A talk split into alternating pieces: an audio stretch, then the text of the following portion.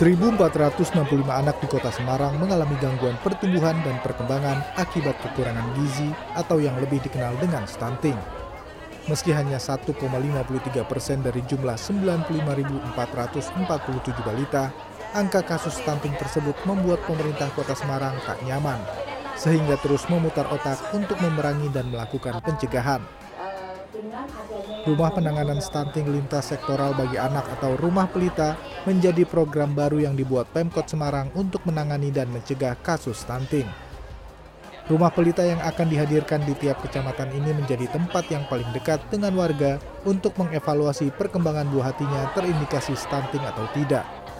Bila terdeteksi mengalami stunting, maka di rumah pelita ini warga orang tua anak akan mendapatkan makanan dan nutrisi bergizi untuk sang anak satu contoh untuk bagi terobosan ya inovasi-inovasi yang uh, apa yang mana ini penanganan stunting dari mulai hulu sampai ke hilir. Jadi di situ semuanya ada mulai pola asuh, penanganan gizi, kemudian juga sanitasi sehingga diharapkan uh, anak-anak itu mungkin dua bulan ya Mas ya dua bulan ini bisa uh, apa lulus dari stunting.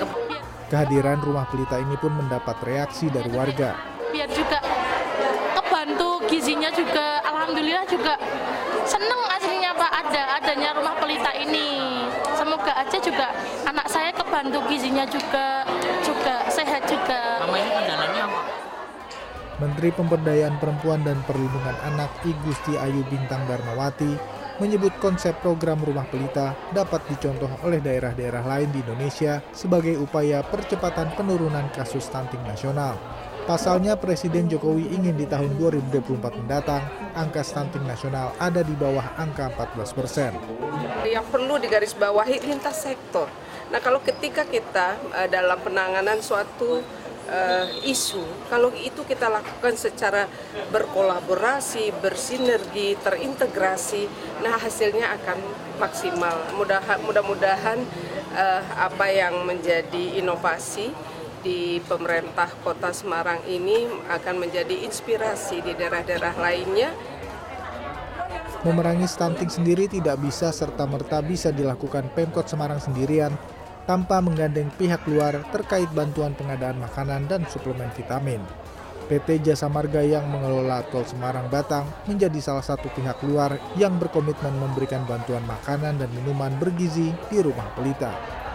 Industri kami sendiri uh, kualitas dari human capital itu sangat penting sekali gitu. Jadi program infrastruktur pun yang selama ini kami geluti itu tidak akan sukses tanpa adanya uh, human capital yang berkualitas. Oleh karena itu, kami sangat mendukung setiap program yang berkaitan dengan peningkatan human capital.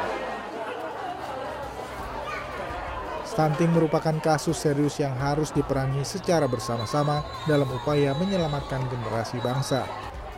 Damar Sinuko, Semarang, Jawa Tengah.